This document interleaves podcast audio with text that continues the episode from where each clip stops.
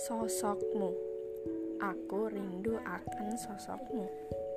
Aku rindu kehangatanmu. Aku rindu sepatah kata dari kebijaksanaanmu. Aku rindu membagi keluh kesahku. Di mana sosok itu? Apakah kau baik-baik saja dengan kehidupanmu sekarang? Apakah semesta menakdirkan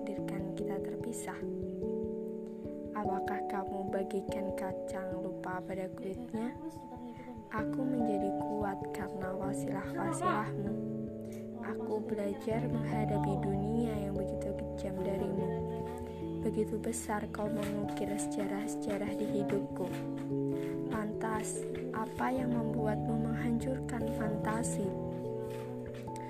mengikhlaskanmu sebagai sosok yang paling berharga dalam hidupku. Setelah keluargaku, hal tak terbayangkan. Menelan pahit kenyataan yang aku rasakan sekarang, menyimpan rasa hatiku berbulan-bulan adalah hal yang bersejarah di hidupku. Menahan semua rasa agar tidak hancur fantasi kita tetapi kenyataannya berbeda lebih dari 90 derajat apa yang telah aku bayangkan sebelumnya. Kembalilah seperti semula menjadi garda terdepan untukku di setiap masalah. Jadilah sosok yang pertama kali aku kenal. Rinduku bukan soal perasaan, aku hanya rindu kehangatanmu. Jangan merubah sifatmu untuk orang baru dan meninggalkan